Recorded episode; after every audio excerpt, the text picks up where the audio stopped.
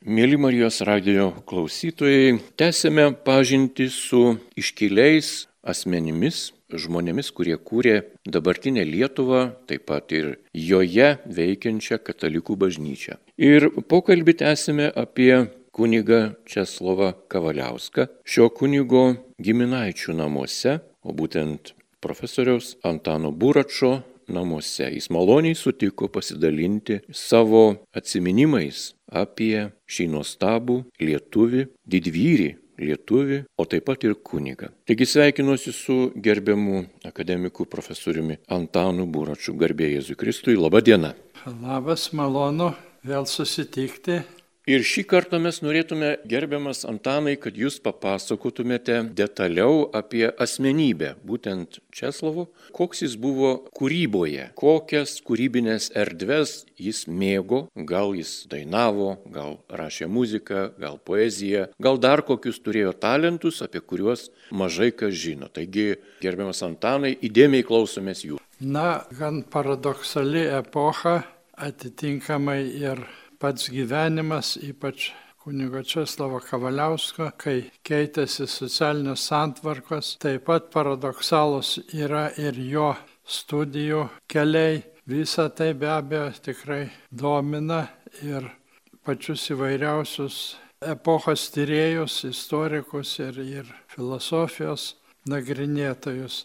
Na, jeigu mes pažiūrėsime gyvenime, tai iš tikrųjų Kavaliauskas juk dar gimnazistas kūrė eilės, buvo įpainiotas į komjaunimo gretas su Mežalaičiu Eduardu, vėliau poetu, o paskui gana ryštingai, vis tik ir staigiai karo artėjančio prie Lietuvos sienų akivaizdoje pasuko, pasuko į kunigų seminariją ir niekad gyvenime nesigailėjo, patekęs į tokią išmintingą grupę šviesių asmenybių kaip Kuraitis, profesorius Šalkauskis ir kiti. Ir juos dažnai prisimindavo, ieškodamas sprendimo tiek gyvenime, tiek ir kūryboje, vertinimuose. Na, gal keletą žodžių apie, tos, apie tas gyvenimo peripetijas. Priminsiu, kad nors jam neteko be studijų trumpalaikių kunigų seminarijoje karo metais siekti universitetinio mokslo, kurio jis taip troško. Jam gilioj tremti vargose pavyko vis tik tai Norilsko gulagose ir kitur susitikti su žymiais tuo metu Europoje naujausių mokslo sričių profesoriais ir gauti tas žinias, kurias buvo gana sunku gauti net Maskvos universitete. Na, vėliau teko jam taip pat skleisti žinias jau bažnytinės etikos, bažnytinės teologijos srityje, kurios buvo dar pernelik ankstyvos ir kurias vėliau patvirtino antrasis Vatikano susirinkimas. Dėl to jis sulaukdavo dažnai labai nepalankių e, vertinimų iš, iš kaip jis vadina, bažnytinės tuometinės hierarchijos, kai kuriuo atstovu buvo labai sunku kovoti faktiškai už visiškai naują sampratą, vertinant nusidėlius, vertinant išpažinties rolę ir nepaprastai svarbę nuodėmio atleidimo paskirtį.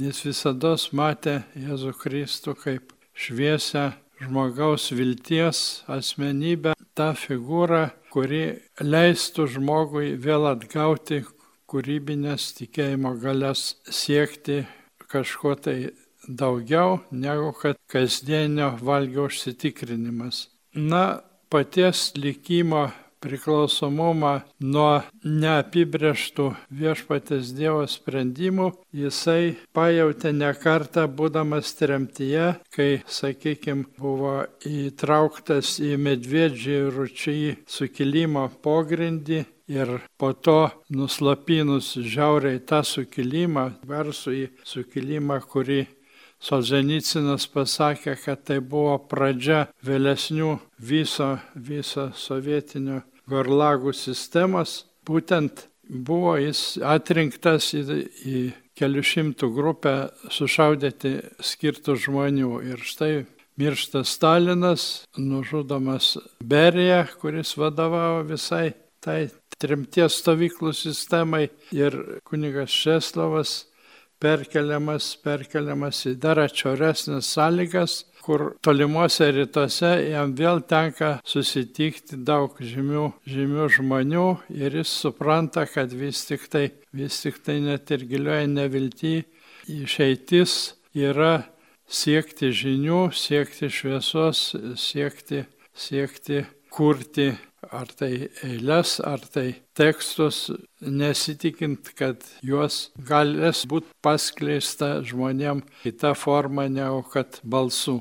Na, teko susitikti įvairiuose klebonijose, kunigų Česlovo atliekant savo pareigas ir jis nepaprastai mėgo visada groti man fisharmoniją, jeigu jį būdavo, arba, arba tiesiog mes su dideliu žavesiu klausydavomės, klausydavomės e, per radiją, pirmiausiai tuo metu labai garsėjo Leopoldas Digrys, atlikantis puikiai, nuostabiai interpretuodamas Bacho kūrybą su, su dideliu pakilimu ir, ir taip, žodžiu, faktiškai labai sustiprino mano žavėjimąsi pirmiausiai klasikinę ir bažnytinę muziką, kuri pasirodė labai gilinė, prilykstama ir nesikartojanti. Na, faktiškai po to, kai grįžau iš stažuotės Londone, tai atsivežiau daug irgi klasikinės muzikos įrašų tame tarpe ir taip pat, taip pat Karmina Burana bei kitus įrašus, kurie nepaprastai didelį paliko mums abiems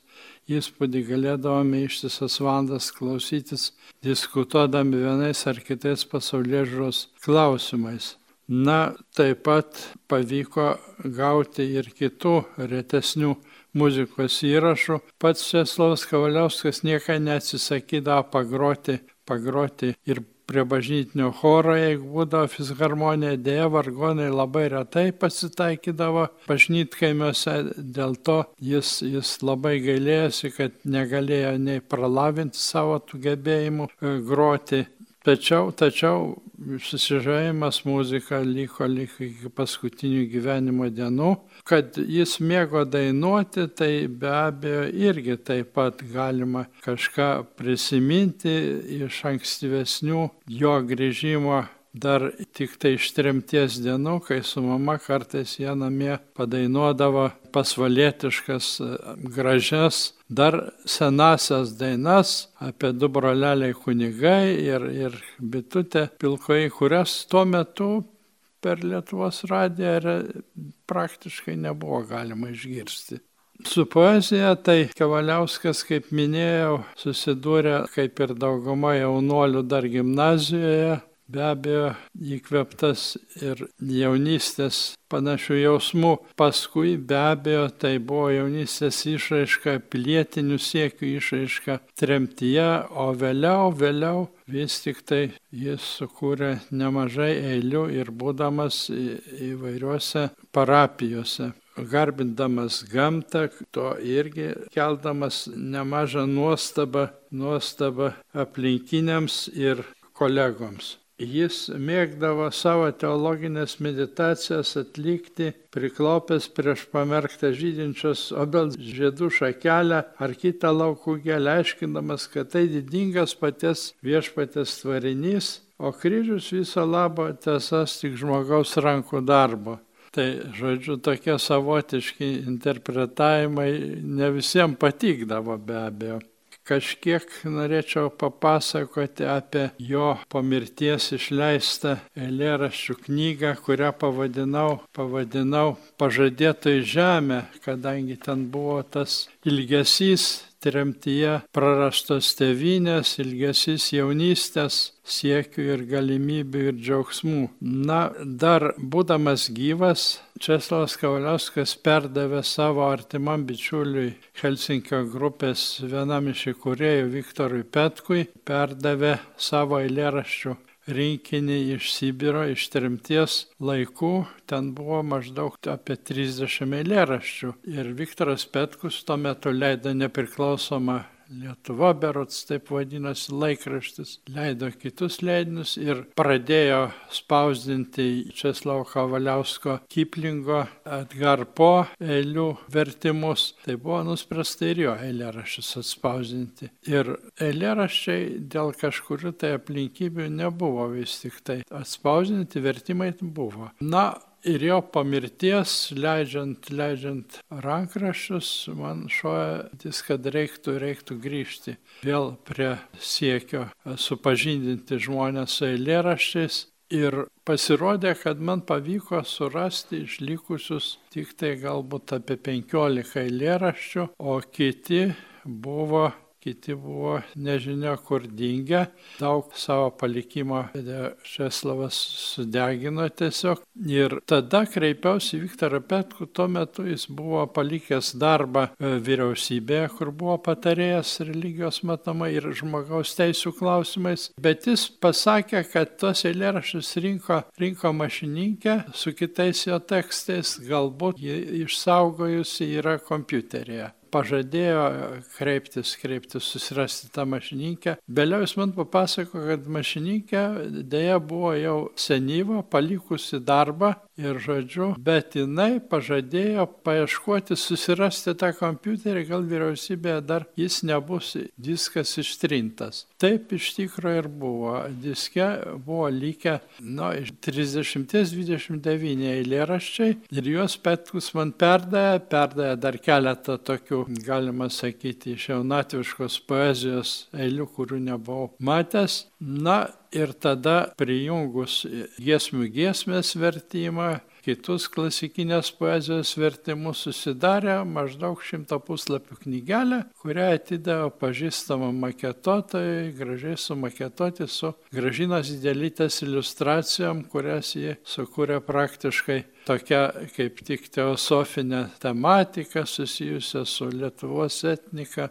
Žodžiu, gavosi gražus maketas. Jį ištaisiau su džiaugsmu, jau e, su Petkum aptarinėjom, kaip čia gauti paramos tiražui išleisti. Ir tuo metu skambina man maketuotojas Richardas Toliušis ir labai nusiminęs sako, kad štai Dingo visi maketai, hakeris išsiveržė į jo kompiuterį, ištrynė ir Česlovo Kavaliausko sumaketotą knygą, ir mano 500 puslapio žodyną terminologinį iš pasaulio valiutų istorijos ir dalį kitų enciklopedijai pateiktų sudėtingų didelių leidinių. Ir žodžiu, kai kurie leidiniai turėjo skubiai pasirodyti, dėl to jis negalės grįžti prie to eilėraščių rinkinio taip staigiai. Žodžiu, susitarėme, kad kai jis galės, na, toliau šis jautė irgi pareigą, žavėjosi tomis eilėmis ir tiesiog dirbdamas vakarais ir naktimis jis atstatė gerokai anksčiau negu kad aš tikėjausi maketą, maketą su visom iliustracijom. O per tą laiką įvyko neįtikėtini kiti tokie įvykiai. Pas mane užsuko nedidutis, neaukštas žmogus Šilo gatvėje, kuris prisistatė kaip vienuolis e, pažaislio, kad jis pažinojo Šeslau Kauliauską, išsiklausinėjo, pasišnekėjom, išgeriam kavos, po valandos sako, žinai, aš čia atnešiau dar knygelę norėčiau Jums parodyti eilėraščių, knygelę Česlavo Kavaliausko. Žodžiu, pradėjom vartyti, tai buvo labai įdomios, gražios eilės, na ir jų buvo beveik dar šimtas puslapių. Taip susidarė, susidarė jau galimybė išleisti žymiai solidesnę knygą. Kol buvo rengiamas naujas išplėstas maketas, atsirado dar kitų bičiulių, išsišnekėjau su, su kunigu Dabravolsku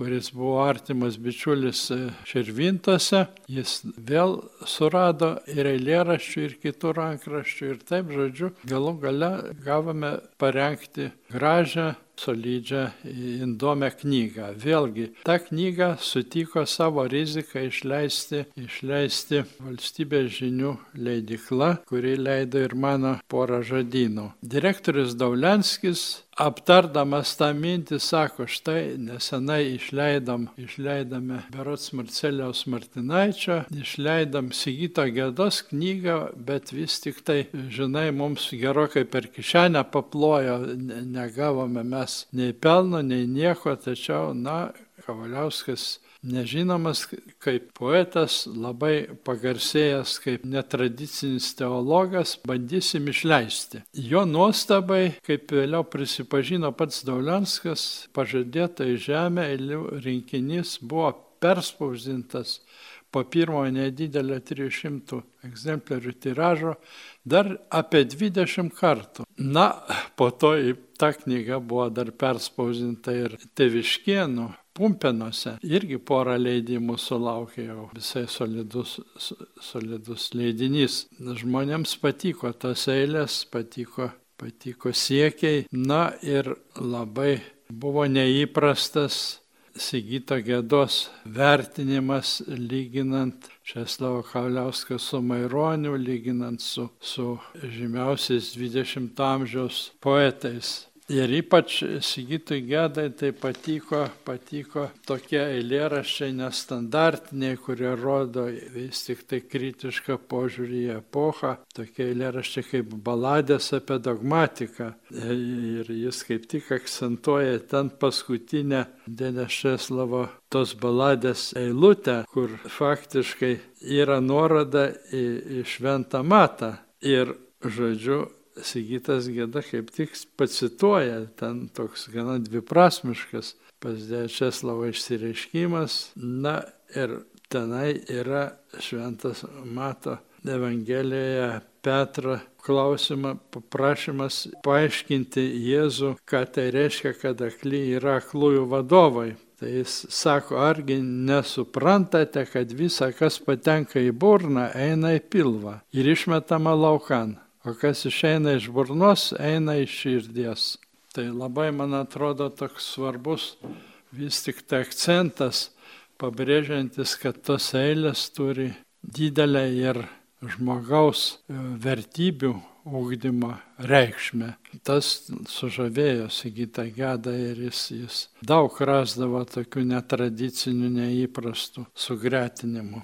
Na, po to, kai pavyko išleisti Naująjį Testamentą ir antrasis Vatikano susirinkimas taip pat suteikia galimybės naują požiūrį perteikti Lietuvai kunigo Česlavo Kavaliausko vertimais. Jam buvo patikėtas ir kitų liturginių atnaujintų tekstų vertimas ir tuo metu jis vis daugiau domėjosi ir turėjo galimybę susipažinti ir su naujausios e, teologijos studijomis, labai domėjosi e, su tais dalykais, kurie patvirtino, patvirtino bažnytinių dokumentų, Jėzaus Kristaus autentiškumą, labai domėjosi Kumrano rankraščių interpretavimu, kadangi juose gausybė minčių rodo, kad Naujojo testamento vis daugelis minčių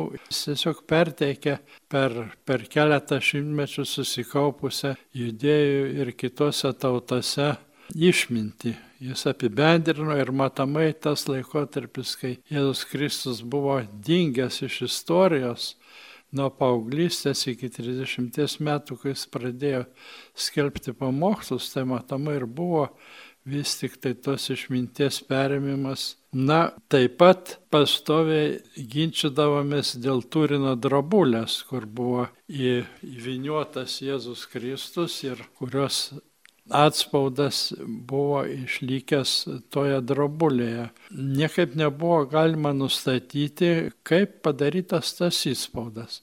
Tuo metu kaip tik kilo mintis, kad kažkiek primena lazarinį išdeginimą Jėzaus Kristaus atvaizdas toje Turino drobulėje. Turino dėl to, kad į Turino katedrą buvo saugoma ilgą laiką. Na, Tačiau ištyrus pasirodė, kad vis tik tai dar tuo metu, dar vis tik tai nebuvo tiek tikslus lazerio spindulys, kad galėtų taip subtiliai išdeginti, išdeginti atvaizdą, kontūrus. Na, vystantis diskusijai buvo nuspręsta dar kiek vėliau atlikti, atlikti pačios medžiagos radioaktyvę analizę audinio, iš kurio išaustas. Na ir dideliam grupės mokslininkų džiaugsmui pavyko nustatyti gavus nedidelę skiautę, kad vis tik Turino drobulės audinys yra maždaug 11, 12 ar 13 amžiaus. Vėl iškyla gausybė bejonių. Po keletas metų paaiškėjo, tyriant, kad vis tik tai eksperimentui gautas, gautas keutė buvo paimta iš krašto ir Turino drobulė buvo pasirodo patekusi į gaisrą ir, ir žodžiu, apdegę kraštai buvo kažkuriam tai amžiuje atausti. Reiškia, kraštai netitiko, netitiko pačios Turino drobulės. Žodžiu, intriga ir mislė taip ir išliko ir Česlavas labai džiaugiasi, kad vis tik tai atrodo tokia, tokia viduramžiški pasakojimai, bet turi vis tik tai gilų istorinį pagrindą ir žymiai yra sudėtingesnė situacija, negu kad gali atrodyti iš pirmo žvilgsnio. Na, panašiai buvo su, su sakykime, visatos hipotezių evoliucija. Jis labai džiaugiasi raudonojo poslinkio hipotezę pradėtą skelbti 20 amžiaus pradžioje kurią vis daugiau patvirtindavo kosmologijos tyrimai, patvirtindavo dėl to, kad faktiškai plėtimasis atveda prie minties, kad kažkada tai turėjo būti singuliarus taškas, reiškia visata turėjo būti sutverta. Dabar vėl diskutuojam, ar tas taškas singuliarumo yra galutinis visatos mūsų sukūrimo taškas ir negalėjo būti daugia riopa visata, bet tai vis vien palieka be atsakymo klausimą, o, o, o kaip visa tai atsirado, ar, ar kas galėjo būti sutverėjas viso to, kokia buvo, galėjo būti sutverimo hipotezė, mintis pati neatsitiktinai faktiškai šventas raštas ir prasideda nuo tų žodžių, kad iš pradžių buvo žodis ir lieka, kaip sakant, ta pati neatsakyta, neatsakyta mintis, kaip atsirado, kaip buvo sutverta visa tai, kas egzistuoja. Na, apie mūsų šeimos santykius kažkiek norėčiau papasakoti. Dėdė Česlovas retai galėdavo užsukti į svečius, kadangi tarnybinės pareigos, paskui įtemptas darbas, verčiant įvairius bažnytinius tekstus, be abejo, pareikalaudavo daug laiko. Bet retsikiais, kai susitikdavome, tai būdavo iš ties labai malonu, jis visada būdavo nepaprastai gyvybingas, džiugus. Ir retsikiais tik tai su močiute dar mama Ona, susitikę kartais jie prašnekdavo apie, apie ne visai aiškę giminės kilmę. Mama buvo gimusi Petrograde, tuo metu vadinosi. Na, tenai jinai pakliuvo iš Pumpenų, kadangi, kadangi šeimos dalis negalėjo pragyventi mažam miestelį, žodžiu, bet pasirodė, kad vis tik tai iš Petrogrado grįžus į Pumpenus jau kuriantis nepriklausomai Lietuvai, nebegalėjo rasti miestelėje savo senelių, nei kapuose, nei kitur, dabar tik pradeda iškėti, kad matomai jie buvo palaidoti e, draugė su proproseneliais e, bažnyčios šventoriuje, kur yra iki šiol kapas su paminklu. Ir pasirodė, kad Žodžiu, ten paaiškėjo tokie įdomus dalykai, be, kurios, kurios, na, sovietiniais metais nenorėdavo dėdė pasakoti, nei mama, nei močiutė nepasakodavo, paaiškėjo, kad vis tik tai dar 60, 1863 metų sukilimo metu Kovaliausko prosenelis Klemčitskas su greta Lavėnuose buvusio dvaro grafu Kosakovskiu, irgi maždaug panašaus amžiaus, turėjo bėgti, bėgti į Prancūziją ir ten, ten apsivedė, apsivedė Joana Žarden. Dabar to istorijos dokumentai rasti bažnytinėje knygoje ir, žodžiu, aiškėja tie dalykai, apie kuriuos, kuriuos bandė išsiaiškinti ir, ir dėdė su mama besišnekėdami. Na, tas sudėtingas pokario laikotarpis tai primena ir kitus gana nemalonius dalykus, kai buvo slepiama ne tik informacija. Na, namuose Kaune E, mane siūsdavo iš po pamatų ten supiltų akmens anglių atnešti ir kas kart prašydavo, kad aš pažiūrėčiau, ar gerai paslėpta rašamoji mašinėlė. Po kurio laiko paprašė taip pat pažiūrėti, ar gerai paslėptas telefonken radio imtuvas. Visa buvo draudžiama 50 tieji metai iki, iki pat visą dešimtmetį, dar iki šešto dešimtmečio, tai buvo didelė rizika, kad jeigu žmogus klausosi užsienio radijo arba jeigu jis turi mašinėlę spausdimą, jis galėjo būti išvežtas tiesiog lygiai kaip buvo išvežami bet kokių visuomeninių organizacijų atstovai. Na, vėl su dėdė Česlavu dažniau ėmėm susitikti artėjant jau emerito, emerito amžiui. Tuo metu brolis Marijus nusprendė įsirengti namelį vietoj nupirkto sandėlio. Sandėlis buvo labai apgriuvęs, teko teko net ir grindis statyti, ten viską teko atnaujinti. Dėdė Česlavas, kai užsukdavo, tai jam primydavo pačias varganiausias kaimo trobas ir jis nepaprastai džiaugdavosi, sakydavo, kad čia tai man primena tikrą jaunystės laikotarpį, kai teko panašiom sąlygom irgi kartu gyventi. Na, gyvenimo kelias tikrai toks sudėtingas dalykas prisimenant atsisveikinimą su Česlovo Kavaliausku, tai vis tik tai jis buvo vis daugiau kankinamas lygų, su broliu Marium teko lankytis ligoninėje, kai bandė pagydyti jo įsisenėjusias ir diabeto lygas, ir tai, kad sutriko virškinimas visiškai, ir žodžiu, tiesiog nevirškindavo jis maisto tekdavo maitinti jį per vamsdelį. Gydytojai ieškojo būdo, kaip padėti jam vis tik atsigauti. Na, po, po kažkurio laiko jis, jis atgavo jėgas ir vis tik tai, vis tik tai sunkiai sukaupdavo jėgas, labai džiaugdavosi, kai galėdavo atlikti kokias nors paslaugas katechetiniam centre Kaišėdoryse ir tuo metu kaip tik tai surado dar kiek anksčiau Vaidotas Žukas iš Marijos radijo. Jį pradėjo šnekinti ir, ir Česlavas Kavaliauskas atgyjo, galima sakyti, jausdamasis esantis reikalingas žmonėm, kurie klauso susidomėję jo pasakojimu ir pamokslu. Jisai tiesiog akise atgydavo, užmirždavo lygas, pradėdavo pasakoti pakankamai sudėtingus klausimus, nesinaudodamas nei santraukom, nei popieriais, nei knygomis. Na ir tai labai svarbu vis tik tai, norint pažymėti, kad žmogaus gyvenimo prasmingumas suteikia daug jėgų, daug taip pat ir galimybių dar suteikti džiaugsmo aplinkiniams.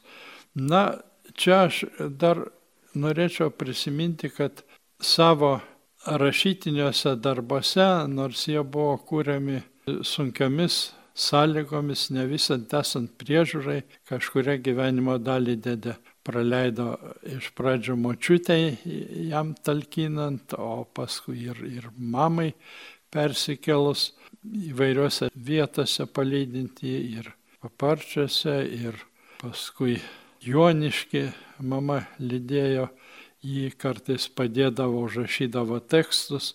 Dėdė Česlavas buvo visada labai reiklus, kad būtų, sakykime, rengiant tekstus cituojami tik originalai. Versdamas Naują Testamentą jis įprato, kad visada savo vertimą reikia lyginti su vulgata, su tomis kalbomis esančiais Naujojo Testamento vertimais. Ir dėl to jis labai šaipydavosi iš tuo metu paplytusios persitavimo manijos, kurią nesibodėdavo naudotis ir gana, gana žymus profesoriai, akademikai, piktindavosi jisai, kad žiūkžda ar kiti ne, neišstudijavę kaip reikiant kai kurių istorinių faktų, bando interpretuodami Lietuvos vystimusi kelius pateikti iškreiptų fantazijų. Na, dėl to prisimenant dėdės Česlavo griežtą reiklumą, ilgai nesiryžome atspausdinti jo įvado į šventą raštą, kuris buvo labai įdomus tekstas. Kai buvo ruošiama skatologija, knyga skirta kaip tik tai jo kūriniams susijusiems su netiesinės teologijos dėjomis, publikavimui tuo metu labai norėjosi įdėti kaip tik tą įvadą į šventą raštą. Ir aš tariausi su padėjusiais leidinį renkti publikavimui tuo metu teologijos ar religijos katedros Lietuvos edukologijos universitete darbuotojais, tai buvo vadovė docentė Ingrida Gudauskienė, daktarai Mindaugas Ragaišis, Saulis Rumšas ir jie irgi suabejojo, ar tas tekstas yra pakankamai originalus, kad galimai medžiaga įvadui, kur pateikta gausybė istorinių faktų apie ankstesnius švento rašto leidimus ir, ir kitos medžiagos, kad galimai jį gali būti perimta iš vokiškų publikacijų, tačiau atstatyti, kokios publikacijos buvo naudotos ir kiek yra originalaus teksto, gana sudėtinga buvo. Dėl to tas labai įdomus, beveik šimto puslapių tekstas taip ir liko, liko ištisą dešimtmetį nepaskelbtas. Na ir štai dabar kaip tik minint kunigo Česlavo šimtmetį, vis tik jo teologijos mokinė Jurgita Fedorinienė išleido knygą skirtą kunigo rašytiniam palikimui ir ten ryžosi pateikti, pateikti tą įvadą į šventą raštą, motivuodama to, kad vis tik tai, vis tik tai nesažininga slėpti rašomojo stalčiaus tamsumoje šitą rankraštį. Na, pritariu, kad iš tiesų vis tik tai galbūt svarbiau tą įdomią, ne, nepasenusią informaciją, gal, kuri galėtų būti ir papildyta, atnaujinta kažkiek, bet vis tik tai gal verta parodyti ją žmonėms, kadangi ji tikrai įdomi. Na, kunigo Česlavo reiklumą aš prisimenu ir kitų pavyzdžių, kai buvo ruošiamas trumpas teologijos žodynas, ko gero vienintelė solidi knyga pasirodžiusi esant jam gyvam. Ta knyga ne savo, ne jo iniciatyva, o pasiūlius Marijai Stančieniai ėmė renkti grupę, grupę žmonių besidomėjusi Kavaliausko mintimis ir kai buvo surinkta į vieną vietą rankraštis, dėdė Česlavas pažiūrėjęs iš pradžių užprotestavo, kad teologijos trumpas žodynas bus, būtų atspausdintas tokia forma. Jis norėjo parengti žymiai platesnį, žymiai gilesnį, bent porą kartų didesnės apimties ir, ir atnaujintos medžiagos. Tačiau, kaip minėjau, sveikata neleido to padaryti. Ir Tiesiog Stančianė ryžosi knygą išleisti, išleisti be jo sutikimo. Na, tačiau pasirodžius knygai, dėdė labai džiaugiasi vis tik tai, kad ta knyga buvo išleista ir vis tikėjosi, kad jis dar suspės ją atnaujinti, kai buvo anksčiau sumanyta, padaryti prieinamesnę būtent kaip enciklopedinį leidinį. Na, Kavaliausko gyvenimo kelias, kaip minėjau, toks paradoksalus, toks savotiškas. Tas eilės, kurios buvo skirtas tik keliam rinktiesiam žmonėm, išėjo labai dideliu tiražu, didelis tiražais buvo perleista, perleista ir, ir Naujojo testamento vertimas, apie 70 net leidimų jau yra iki šių dienų pasirodę. O vienu metu buvo Biblijos vertimas į lietuvių kalbą pristatytas, pateiktas ir Lietuvos nacionaliniai premijai.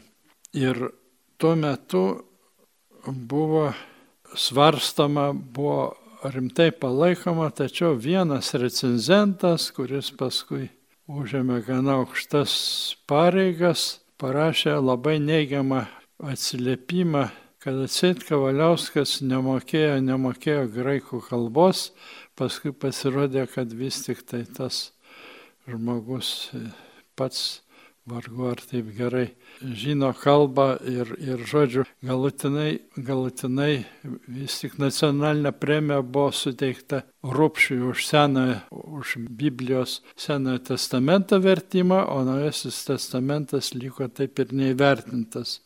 Ir po mirties Julius Asnauskas labai taikliai pasakė, kad prie Česlavo Kavaliausko nelypo nei ordinai, nei žmogiška šlovė, tokie įsimintini žodžiai man tikrai atitinka tą situaciją, kad vis tik tai neliko, neliko šviesios didelės asmenybės ir, ir vis tik tai dabar su tokia pagarba, su tokia pagarba šviesų šio didžio mąstytojo kunigo atminimą, jo svarbiausias etikos ir pasaulio žiūros gairias stengiasi išsaugoti jo mokinių darbai. Savo spinduliuojančių dvasingumu daugelis sužavėjo ir šiuo metu tikrai su dideliu dėkingumu noriu prisiminti visai nesenai Pumpenose įvykusi kunigo Česlavo Kavaliausko šimtmečio paminėjimą Pumpenų bažnyčioje, kur jo atminimą pagerbė Telšių viskupas Jurevičius, ilgametis gerbėjas, Panvežio viskupas Kauneckas, Karmelos klebonas Veprauskas, Krekenavas rektorius Gediminas Jankūnas, na ir, ir Pumpenų, Pumpenų neprilykstamas kunigas Domingo kuris žavi savo futbolo aistrą ir primena Česlau Kauliauskui irgi gebėjimą rasti į žmonių širdis kelią neįprastais būdais, ne vien per teologinės mintis, skleidžiant svarbiausias gyvenimo vertybės. Labai dėkojame Jums, profesoriau Antanai, už tokį gražų išsaugotą širdyje atsiminimą dėdės kunigo Česlovo Kavaliausko. Jūsų išsakytos mintys tikrai eterėje turbūt nuskambėjo ir kai kurios mintys nuskambėjo visiškai naujai. Tikimės, jog radio klausytojai šią valandėlę pabuvę jūsų namuose ir išgirdę jūsų žodį, jūsų tikėjimo, vilties, meilės savo artimui, savo brangiam giminaičiui, kunigui Česlovui Kavaliauskui žodį, turės vilties ir galbūt pavyzdį, kaip reikia branginti savo artimus žmonės. Kartu su jumis buvo ir Liutauras Serapinas, linkėdamas jums likti toliau su Marijos radiju.